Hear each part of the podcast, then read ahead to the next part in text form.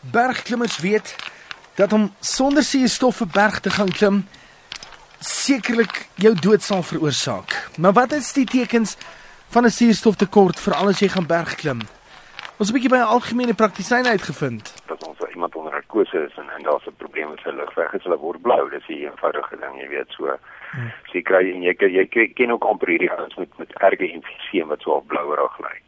So dis maar 'n teken van suurstoftekort. So dit hang af van die situasie, jy weet, as dit nou ehm um, dan sit natuurlik net oor dit dan minder suurstof in die lug om jou is, dan kan iets fout met jou nie, maar natuurlik gaan jy dan moeg voel want jy weet there's no gen like oxygen.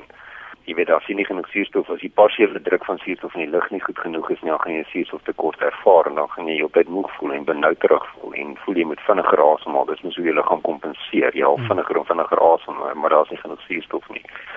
So dis 'n baie komplekse antwoord. Ja, ek dink die eenvoudige antwoord is jy jy raak blou en 'n blou gelaatstrek, dit noem jy dan cyanose. Dis okay. ook mediese terme vir dit. Cyanose net soos jy cyanide sal skryf, dan maak jy ook bly toevallig. Ek dink dis seker Latyn vir blou. So cyanose en 'n goeie voorbeeld daarvan is iemand wat emfiseer het. Maar dan nou as jy nou dink as mens nou net logies oor dink, dis dan twee bene waarop die probleem staan. Daai ou die het die oue longprobleem. Maar as jy ook nie as daar nie genoeg suurstof in die lug is nie, dan gaan dit ook gebeur maar is net dan jy nie siek nie, maar dan nog steeds blou raak, jy weet. Die eenvoudige antwoord ook wat mense daar kan ook bysê, dis hoekom die die die basiese as iemand kry ons sê altyd ADC, dit gaan altyd oor airway, breathing, circulation. Jy weet, uh, dit help net so hardloop en jy kry nie asem nie. So dit gaan oor daai dit dis dis eintlik dit gaan absoluut alles oor dis nou gen like oxygen.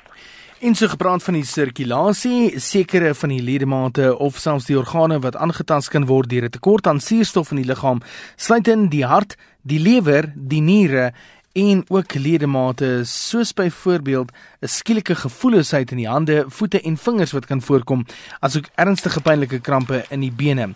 Simptome vir swak bloedsirkulasie kan ook gesien word in spatteare en 'n kondisie by name cyanosis, soos wat die algemene praktisyn genoem het, wat veroorsaak dat die vel blou of self swart kan verkleur na aanleiding van te min suurstof in die aangetaste weefsel.